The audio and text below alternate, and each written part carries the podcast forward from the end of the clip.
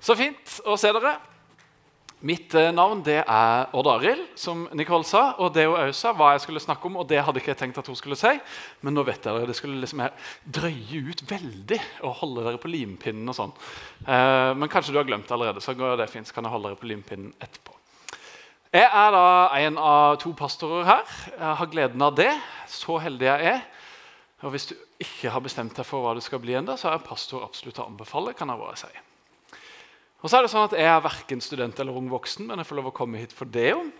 Og det syns jeg er trivelig, for jeg liker både studenter og unge voksne.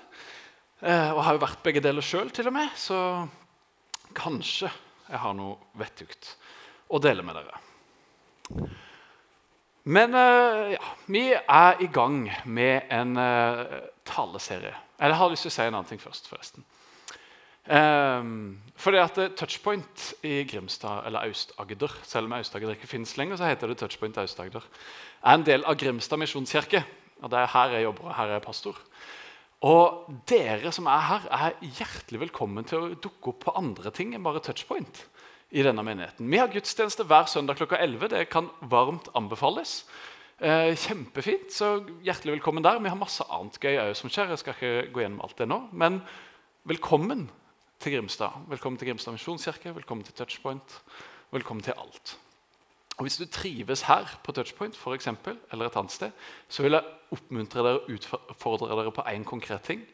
Og det er neste gang inviter med deg en annen. En som du går på skole sammen, og jeg har skjønt at en del av dere bare driver med sånn der nettundervisning og ikke blir kjent med de andre på studiet. Sånn. Det er jo litt trist og kjedelig. Eh, men hvis du mot formodning skulle bli kjent med noen andre, så inviter de med. Vi ønsker at Touchpoint skal være et sted der det er lett å komme som ny og lett å invitere noen med seg. Så er det jo sagt. Og så er jo mange av dere nye sjøl, så da kan dere jo bare bruke det kortet. Holdt Jeg på å si. Jeg er jo ny der. Skal vi gå sammen og sjekke det ut? Yes. Men nå var det Jesus er. Og dere husker kanskje fra barneskolen så fikk dere sånn oppgave på skolen, så sto det en sånn ufullstendig setning. Og så med en sånn strek og så skulle du fylle ut riktig svar. Sånn, 'Bilen er', og så sto det en strek, og så var det bilde av en rød bil. Og så var nødvendigvis svaret rød. da. Med mindre du var farveblind, så kunne du fort bli grønn. og sånne ting. Men det, var liksom, det ga seg litt sjøl. Huset er altså stort, f.eks. Cola er digg. Ja, eller Det sto ikke i mine skolebøker, men det syns jeg. da.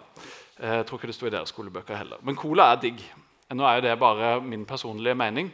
Eh, og det kan være du mener noe annet, men du tar selvfølgelig feil eh, hvis du mener noe annet enn det. Så er det sagt. Men det er en forskjell på sånne subjektive og objektive sannheter, noe jeg kommer til å si litt om. Men på skolen så var det i fall sånn da, at det var ganske opplagt hva det var du skulle fylle inn med. Også når utsagnet er 'Jesus er', så er det plutselig ikke like opplagt hva en skal fylle inn med lenger. For en kan rett og slett fylle inn med utrolig mye. Svaret sier seg liksom ikke lenger sjøl. Og så fins det ikke bare ett riktig svar heller. Det fins mange. Og så kan det være at det fins noen svar som ja, ikke stemmer, eller åssen det skal være. Og så er det en del svar som er bare helt subjektive. Som er din og min personlige mening. Det kan være at noen her sitter og tenker at ja, Jesus er uinteressant. For eksempel. og det er en subjektiv mening som er veldig lov å ha. For eksempel. Eller det kan være at noen mener at Jesus er en rosin. Jeg har sett at noen har sagt det en gang. Eh, ikke spør meg hvorfor de valgte å si det. det er, men det er lov å mene det òg. Eller noen kan hevde at Jesus er bare tull. Og det går veldig fint an å mene. Og Det er liksom person, en persons erfaring eller opplevelse da, av Jesus. Det er sånn. Og så er det sånn at Vi har en bok som heter Bibelen. Eh, og Den er delt opp i to, Det gamle og Det nye testamentet. Og I de fire første, delene, fire første bøkene av Det nye testamentet, som ofte kalles for evangeliene, der kan vi lese om Jesus. Og Der sier Jesus veldig mye forskjellig om seg sjøl. Han sier ikke at han er rosin, han sier heller ikke at han er uinteressant eller bare tull. Men han sier mye annet. Og Forrige søndag, søndag, mandag, er det der touchpoint, eh, så snakka Nicole her om at Jesus er livets brød. For det er en av de tingene som han sier om seg sjøl. Og han sier det er mange forskjellige ting om seg sjøl, og mange av de tingene stemmer da, og er sanne. Og så kan det være at du kjenner at noen av de tingene som vi her står og hevder som sannheter, at du kjenner at nei, men jeg opplever det ikke sånn. Jeg får ikke dette til å stemme. Dette funker ikke på en måte, det passer ikke med sånn som jeg hevder at det er, eller mener kjenner at det er. Og det er jo veldig lov. Og så er det sånn at Meningene om Jesus de er ganske mange. Og På samme måte som vi kan mene noe for om ja, Erna Solberg eller Justin Bieber eller julenissen, eller sånt, så kan vi mene ting og tang om Jesus. Og Når det gjelder Jesus, da, i motsetning til de andre, for så vidt, så har din og min mening den har utrolig stor betydning. Den har ingen betydning for hvem Jesus er eller ikke er, hva vi mener om han, men det har uendelig stor betydning for vårt liv hvem vi sier at Jesus er, eller hvem vi tror og mener at han er. Så Hvis du mener at Jesus er en rosin, så betyr jo ikke det at han er ei inntørka drue. Men at han ikke betyr stort mer enn det for deg. Og det er avgjørende, det er viktig. Det har betydning. Så Subjektivt så kan det være sant for det, men objektivt så er det ikke sant at han er en rosin. da. Det tror jeg vi er enige om, kanskje alle. Men. Uansett, du skjønner hvor jeg vil. Når det gjelder f.eks. Erna Solberg eller Justin Bieber, så kan vi si noen ting om de som er sanne. Sånn som at Erna er ei dame og Justin Bieber er en mann, at hun er norsk og han er kanadisk. Og det fins liksom noen ting som er fastsatte om de. Objektive sannheter, som det da kalles. Og sånn er det jo med oss alle. Vi har noen ting som er sant, uansett om vi føler oss sånn eller ikke. Eh, og så er det jo sånn at det fins noen ting som ja, bare er sånn uavhengig av hvordan vi føler det. Og Det er i hvert fall sånn som vi kan lese om det i Bibelen, og det er sånn som klassisk kristen tro forteller at det er. Det fins noen objektive sannheter. Eh, og selv om ja, i vårt samfunn da, så fins det en del stemmer som vil hevde at objektive sannheter ikke fins.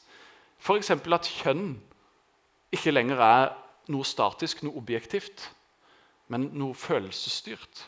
Det er ikke lenger noe, en biologisk, objektiv sannhet men det er noe som kan endre seg, eller som kan variere, eller som, som kan ja, bytte på. Så vil jeg hevde at det ikke er sant, da, fordi jeg tror på Bibelen som hevder noe annet. Men samfunnet rundt oss forteller oss sånn. Og Om meg sjøl vil jeg hevde at det er en del ting, helt uavhengig av dagsform eller åssen været det er ut, ute. og sånn. Jeg bare er noen ting fordi at jeg er født sånn, osv. Så jeg er f.eks. sønn jeg har to foreldre. Og jeg er far. Jeg har tre barn. Jeg er ektemann. Jeg har ei kone. Og De to første der er litt gøye. Sønn og far. Ektemann det kan jeg slutte å være. Hvis kona mi dør, eller hvis vi skilles, så er jeg ikke det lenger. Men sønn, for eksempel, da. Sånn biologisk sett så vil jeg alltid være mine foreldre sin sønn, og de vil være mine foreldre. Nå har jeg et godt forhold til mine foreldre. og det er ikke sikkert du har det sånn med dine. Og Det kan være at ikke du bor hos, eller liksom har vokst opp hos dine biologiske foreldre, men hos noen andre som du kanskje tenker på er mamma og pappa. Men uansett om en har et forhold til dem eller ei, så har en alltid et biologisk bånd til sine foreldre. Det er på en måte en sånn objektiv sannhet. Det går ikke an å kutte det. For det er de som har liksom laga deg og født deg.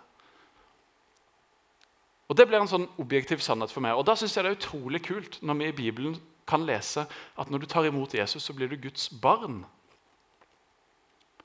Du blir ikke hans tjener eller venn, eller du blir de tingene for så vidt det. Men det er først og fremst hans barn. Og det å være barn det er enten-eller. Enten er du det, eller så er du det ikke.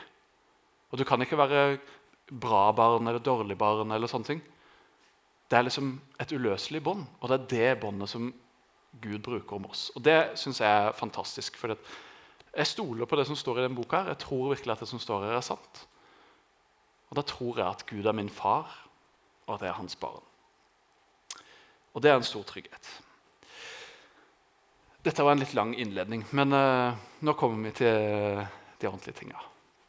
For noen år siden var jeg med i ei gruppe Jeg gikk på Ansgar-skolen, og så var jeg med i en sånn gruppe som skulle bli pastor. eller lignende der, og Så fikk vi utdelt en oppgave. Og Uten at jeg visste det på det tidspunktet, så fikk jeg på en måte utdelt 'Jesus er'. Eh, og så den streken, som ikke er her. Her var det bare to prikker. Eh, I oppgave. Fordi at Vi skulle gå hjem og så skulle vi sette oss ned og så skulle vi tenke hvem er det Jesus er for meg i mitt liv. Og Jeg gikk hjem og jeg grubla på dette her og lurte ja, hvem er egentlig Jesus i mitt liv. Det er et godt spørsmål. det har jeg ikke egentlig svart på før.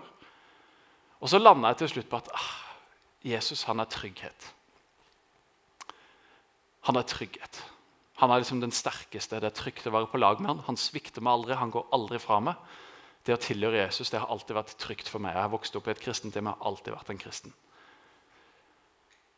Så jeg presenterte det for de andre, for det skulle vi gjøre, men jeg kjente samtidig at akkurat det der svaret der, det det stemte jo, men det var likevel ikke det som var det beste svaret. på en måte jeg kunne ha. Det var ikke det som ga dypest gjenklang i mitt liv om hvem Jesus er for meg. Så jeg var på en måte litt misfornøyd uh, med svaret på et vis. da. Og Så var det en stund seinere som jeg drev og jobba med noen taler om Jesus. Og plutselig da så landa det hos meg hvem det var Jesus var i mitt liv. Ja, han er en trygghet. Ja, han er min frelser. Han er min venn. Han er min far. Masse ting. Men plutselig så landa det hos meg. Og det var noe Jeg hadde tenkt å dra dette veldig ut, men det som landa hos meg, det var nemlig at Jesus er sannheten. Det var det som landa virkelig i mitt liv, og det er det som får det til å hoppe litt inni meg når jeg tenker på hvem er Jesus i mitt liv. Jo, han er sannheten.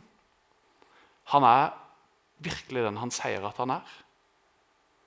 Og det er det som gir mitt liv mening. Og Det er det som gir meg mening i det å være pastor. Og Det er det som gir meg mening i å leve generelt. Det er at jeg er overbevist om at Jesus virkelig er den han sa at han var. At han er sannheten, at han er Guds sønn, at han døde og sto opp igjen. For meg er ikke det bare en sånn der, ja, kult, liksom, jeg tror på det. Eller. Men for meg er det sannheten, og det er det som får meg til å har lyst til å fortelle om han. Det er det som får meg til å ha lyst til å tjene han. Det er det som får meg til å ha lyst til å bli bedre kjent med han. At jeg er overbevist om at han er sann, at han er ekte. At han virkelig er den han sier han er. Og Så kan det være at du har andre ord som får det til å hoppe litt inn i det. Eller kanskje ikke du har noen ord som får det til å hoppe inn i det. Men sånn er det i hvert fall for meg. Og For meg så er det en sånn objektiv sannhet som helt uavhengig av åssen jeg føler meg, åssen jeg har det, om jeg opplever at Gud er veldig nær eller langt unna, eller om jeg føler meg bra eller ikke, eller om jeg har dritt meg ut eller ei, så er jeg fremdeles overbevist om at Jesus han er sann. Han er ekte. Han fins. Han vil det beste for alle mennesker. Og Det er jeg så overbevist om at da er det ikke så viktig for meg på en måte, om jeg har en god eller en dårlig dag. Det er ikke det som er avgjørende for mitt gudsforhold, om han oppleves nær eller langt unna. Men det er om han er sann eller ikke, om han er ekte eller ikke fins. Og jeg er helt overbevist om at han er sannheten. Og om at de tingene han sier om seg sjøl, at det virkelig stemmer. At det er sant, at det er ekte, og at det er til å stole på. Så For meg så er han sannheten med stor S. Og Det er den objektive sannheten om Jesus som gir meg mening og som er blitt min subjektive sannhet òg i mitt liv, og som jeg stoler på og lever etter. Og så er det sånn da, at I uh, vårt samfunn så har sånne sannheter med stor S, sånne objektive sannheter som liksom skal være sant for alle og for hele verden og universet, og sånn, de er ikke så populære. Eh, fordi at I vårt samfunn så er vi på en måte opplært til å tenke at alle har sin egen sannhet. At din sannhet er like god som min sannhet, og alle kan ha sin egen sannhet, osv. Det fins liksom bare subjektive sannheter, ingen objektive. Ja, Jeg mener ikke det, da. Det hadde jeg kanskje skjønt, Men Jesus mente heller ikke det. Han var tydelig på når han sa hvem han var. Han hadde mange utsagn om hvem han var. Og Han sa f.eks. ikke sånn som at ja, tro på hvem du vil, du skal få være sammen i evighet med meg uansett. Det sa han ikke. Men det er det mange som vil hevde å si at det er sant. For eksempel. I eh, Johannes 14, 14,6 derimot så står det et veldig kjent vers for de av oss som er kristne, iallfall har lest Bibelen. så regner jeg med det. eh, men nødvendigvis ikke for alle. Og Dette verset det sier Jesus på skjærtorsdag. Han sitter og spiser påskemåltid sammen med disiplene sine. Det er rett før han skal bli tatt til fange og dør. og Han sier masse, holder en lang tale for disiplene sine. Og så ser han bl.a. dette her. At 'jeg er veien, sannheten og livet'. Og der kommer ordet mitt, sannheten. Ingen kommer til far uten ved meg. Det er en av de tingene som Jesus sier om seg sjøl. Og det skal vi få høre mer om neste gang. Eh, når Martine Ornonsen kommer for å tale. Men Han sier altså ikke at ja, 'tro på hva du vil', det er ikke så nøye, eller sånne ting, men Jesus han er rimelig radikal, for han sier at 'jeg er den eneste'. Ingen kommer til Gud, ingen kan leve evig sammen med Gud uten ved å tro på meg. Og det er bare han som er veien, sannheten og livet, sier han. Og det er en ganske drøy påstand. Men jeg tror at det er sant. For jeg stoler på Jesus. Jeg tror at han er virkelig og sann og ekte.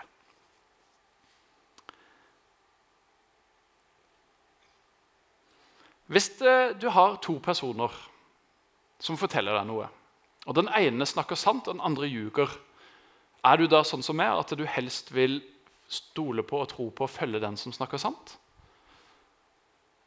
Jeg er i hvert fall sånn. Hvis to stykker ljuger, så vil jeg helst følge den som snakker sant. Og Hvis Jesus da sier at han er den eneste veien til Gud, og hvis det han sier, virkelig er sant Hvis det Jesus sier, virkelig er sant, om at han er den eneste veien til Gud, så betyr jo det at de som sier noe annet, ljuger. Og Det er jo en ganske sånn drøy påstand, egentlig. Men det er jo det han sier. Jesus er den eneste. Han er den eneste som er sannheten. Og Det høres egentlig kanskje naivt ut, eller enkelt eller lite gjennomtenkt å si. Særlig i vår tid og vårt samfunn. Fordi at ikke vi liker sånne utsagn eller objektive sannheter. Men det er egentlig ikke det. Det var i hvert fall ikke det for Jesus. De spyttklysene og de piskeslaga og den tornekronen og de naglene som han fikk gjennom kroppen sin bare timer etter at han hadde sagt dette her, det var ikke naivt. Det var ikke enkelt, og det var ikke lite gjennomtenkt.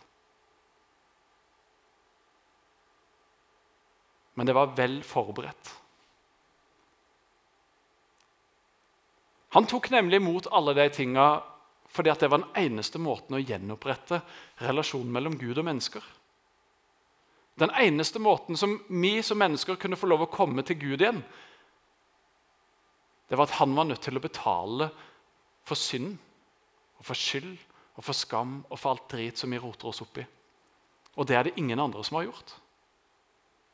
Det er bare Jesus som har betalt den prisen som er nødvendig, og derfor er han den eneste ene. Derfor er det kun han som kan lede oss hjem til far.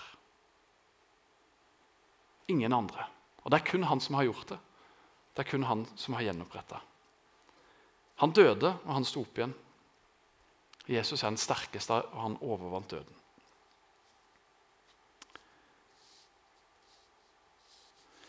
Og Den historien om Jesus, om at han døde og sto opp igjen, den tror jeg virkelig er sann. Jeg tror ikke det er en sånn hyggelig historie som en leser om i en gammel bok, eller et gammelt eventyr, men jeg tror at det virkelig har skjedd. Jeg tror virkelig at Jesus var Guds egen sønn, som ble et menneske akkurat sånn som du og meg. Jeg tror virkelig at han levde og gikk rundt og spiste og gjorde alle sånne menneskelige ting. Og så tror jeg virkelig at han døde ved å bli nagla fast til et kors, og at han sto opp igjen, og at han lever fremdeles i dag. Og det det er det flere enn meg som tror på, sikkert eh, en del her inne. Men òg andre folk som vi kan lese om i Bibelen. For eksempel. Disiplene hans, de som han traska rundt med mens han levde på jorda. I hvert fall i tre år, de tre siste. De var overbevist om dette her. De hadde sett det med sine egne øyne. De hadde vært vitne til at Jesus ble tatt til fange.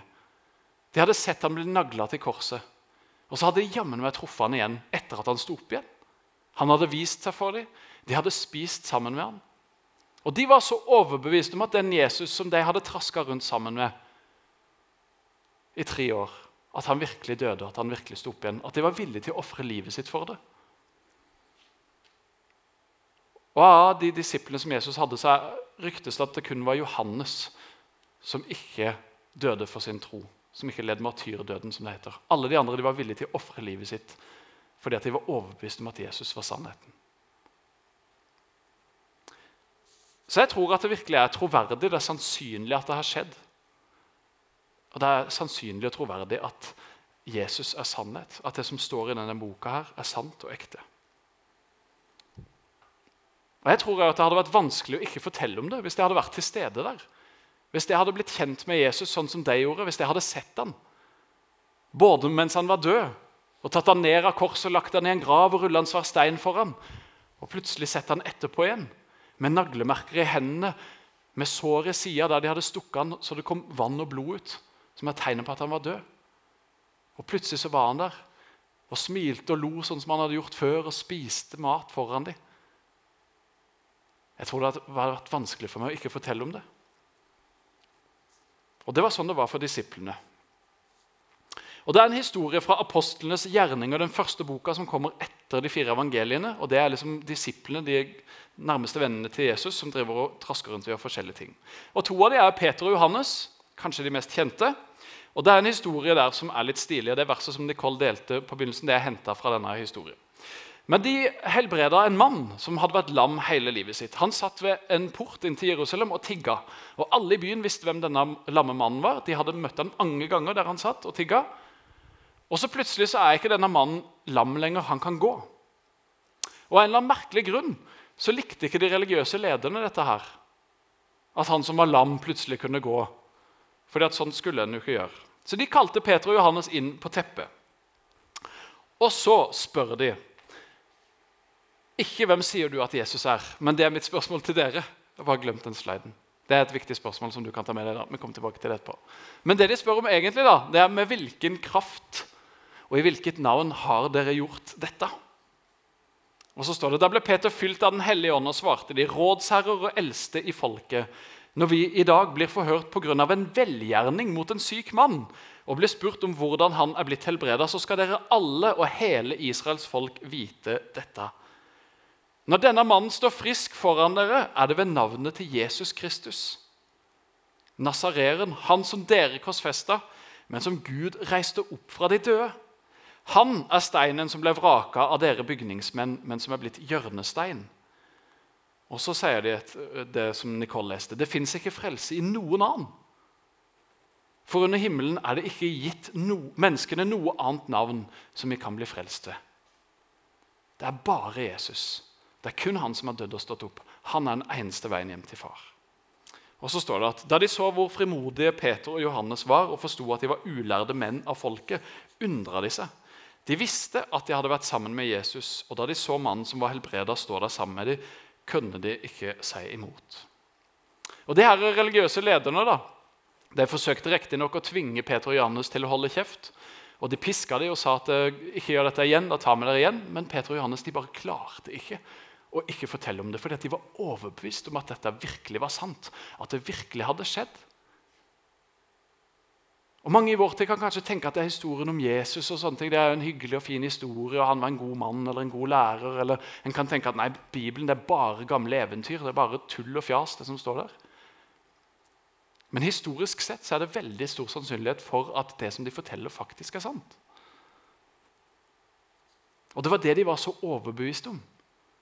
At han som de hadde gått sammen med, han som var snekker en gang, han gikk plutselig rundt og gjorde masse ting og døde og sto opp igjen.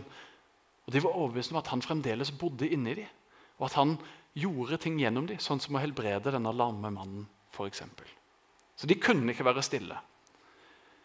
Og så har vi en annen interessant fyr som jeg kan lese om i Bibelen. Han var leder for den første menigheten i Jerusalem, de første kristne. Hans navn er Jakob. Han har skrevet en bok i Bibelen som heter Jakobs brev. Og det kule med Jakob da, det er at han var lillebroren til Jesus. Og det er jo ikke hvem som helst. Han hadde, Jesus hadde riktignok flere lillebrødre og søstre, men Jakob var en av de, han ble leder for menigheten. Og Det som er litt kult med Jakob, da, at eh, vi hører veldig lite om Jakob i evangeliene. Så lenge Jesus trasker rundt på jorda og går rundt og hevder at han er Guds sønn og ja, helbreder folk, og sånn, så hører vi veldig lite om Jakob og de andre søsknene. Vi hører faktisk nesten ingenting om ham før Jesus har stått opp igjen. Sannsynligheten er derfor at Jakob han strevde litt med å tro på at lillebroren sin, nei, storebroren sin Han som han hadde lekeslåss med når de var liten, som han hadde lært å snekre sammen med pappa Josef med, osv. At han var Guds sønn. Han hadde jo tross alt vokst opp sammen med han, og han var en av søskenflokken. Og så når han var 30 år, så begynte han plutselig å si at han var Guds sønn. Så sannsynligvis så trengte Jakob og de andre søsknene et litt sånn skikkelig bevis da, før de kunne tro på Jesus. Og Det beviset fikk de antageligvis når de møtte Jesus og han var stått opp igjen fra de døde.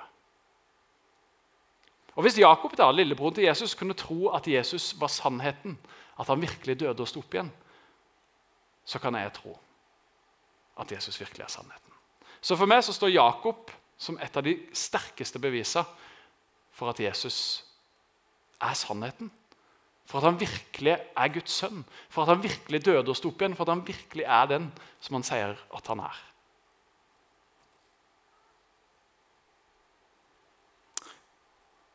For meg da, så peker alt i retning mot at Jesus virkelig var den han sier at han var, og er den han sier at han er. Og at det stemmer. Så når jeg skal fylle ut 'Jesus er', så setter jeg altså inn sannheten.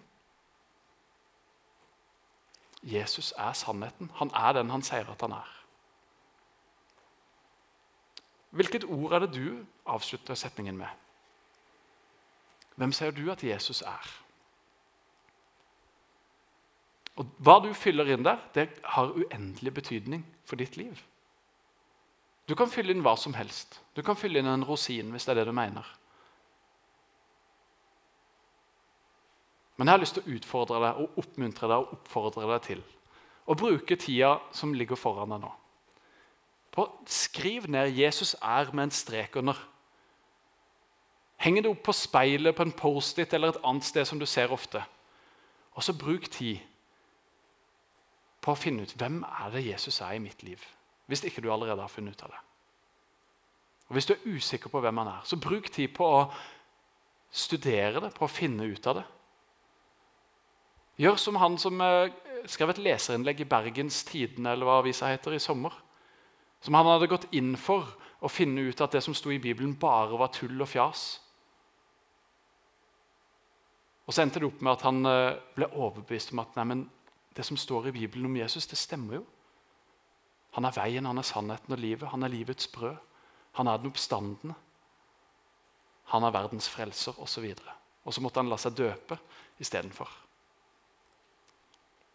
Så hvis du er usikker, hvis du ikke tror at Jesus er den eneste veien til Gud og Hvis han, det bare er en inntørka drue, så har jeg lyst til å utfordre deg på det. Våg å stille spørsmålet og leit etter sannheten. Og jeg er overbevist om at du kommer til å finne sannheten. Den som søker sannheten, vil finne den. Og så tror jeg at hvis du søker sannheten, så finner du Jesus. Fordi at han er sannheten. Det er i hvert fall det han sier om seg sjøl. Det er det som jeg og mange andre er overbevist om. Så jeg har lyst til å be om at Jesus skal åpenbare seg i våre liv som den han virkelig er. Nå og framover. Jesus, takk for at du lever, takk for at du er ekte, takk for at du er sann, og takk for at du er her akkurat nå. Takk for at du var villig til å gå i døden for oss, og takk for at du overvant døden og sto opp igjen. Hellige Ånd, jeg ber om at du må komme og åpenbare for oss hvem Jesus virkelig er. Hvem han i sannhet er. Sånn at det kan bli en del av oss. Sånn at vi kan hvile i det og stole på det og leve i og ut fra hvem du er, Jesus. Du som er skaper av alle ting, som er alle tings opphav, og som er alle tings fullender. Må du komme og møte oss vise deg for oss og gjøre ditt verk i oss. Takk for at du er her, Jesus. Amen.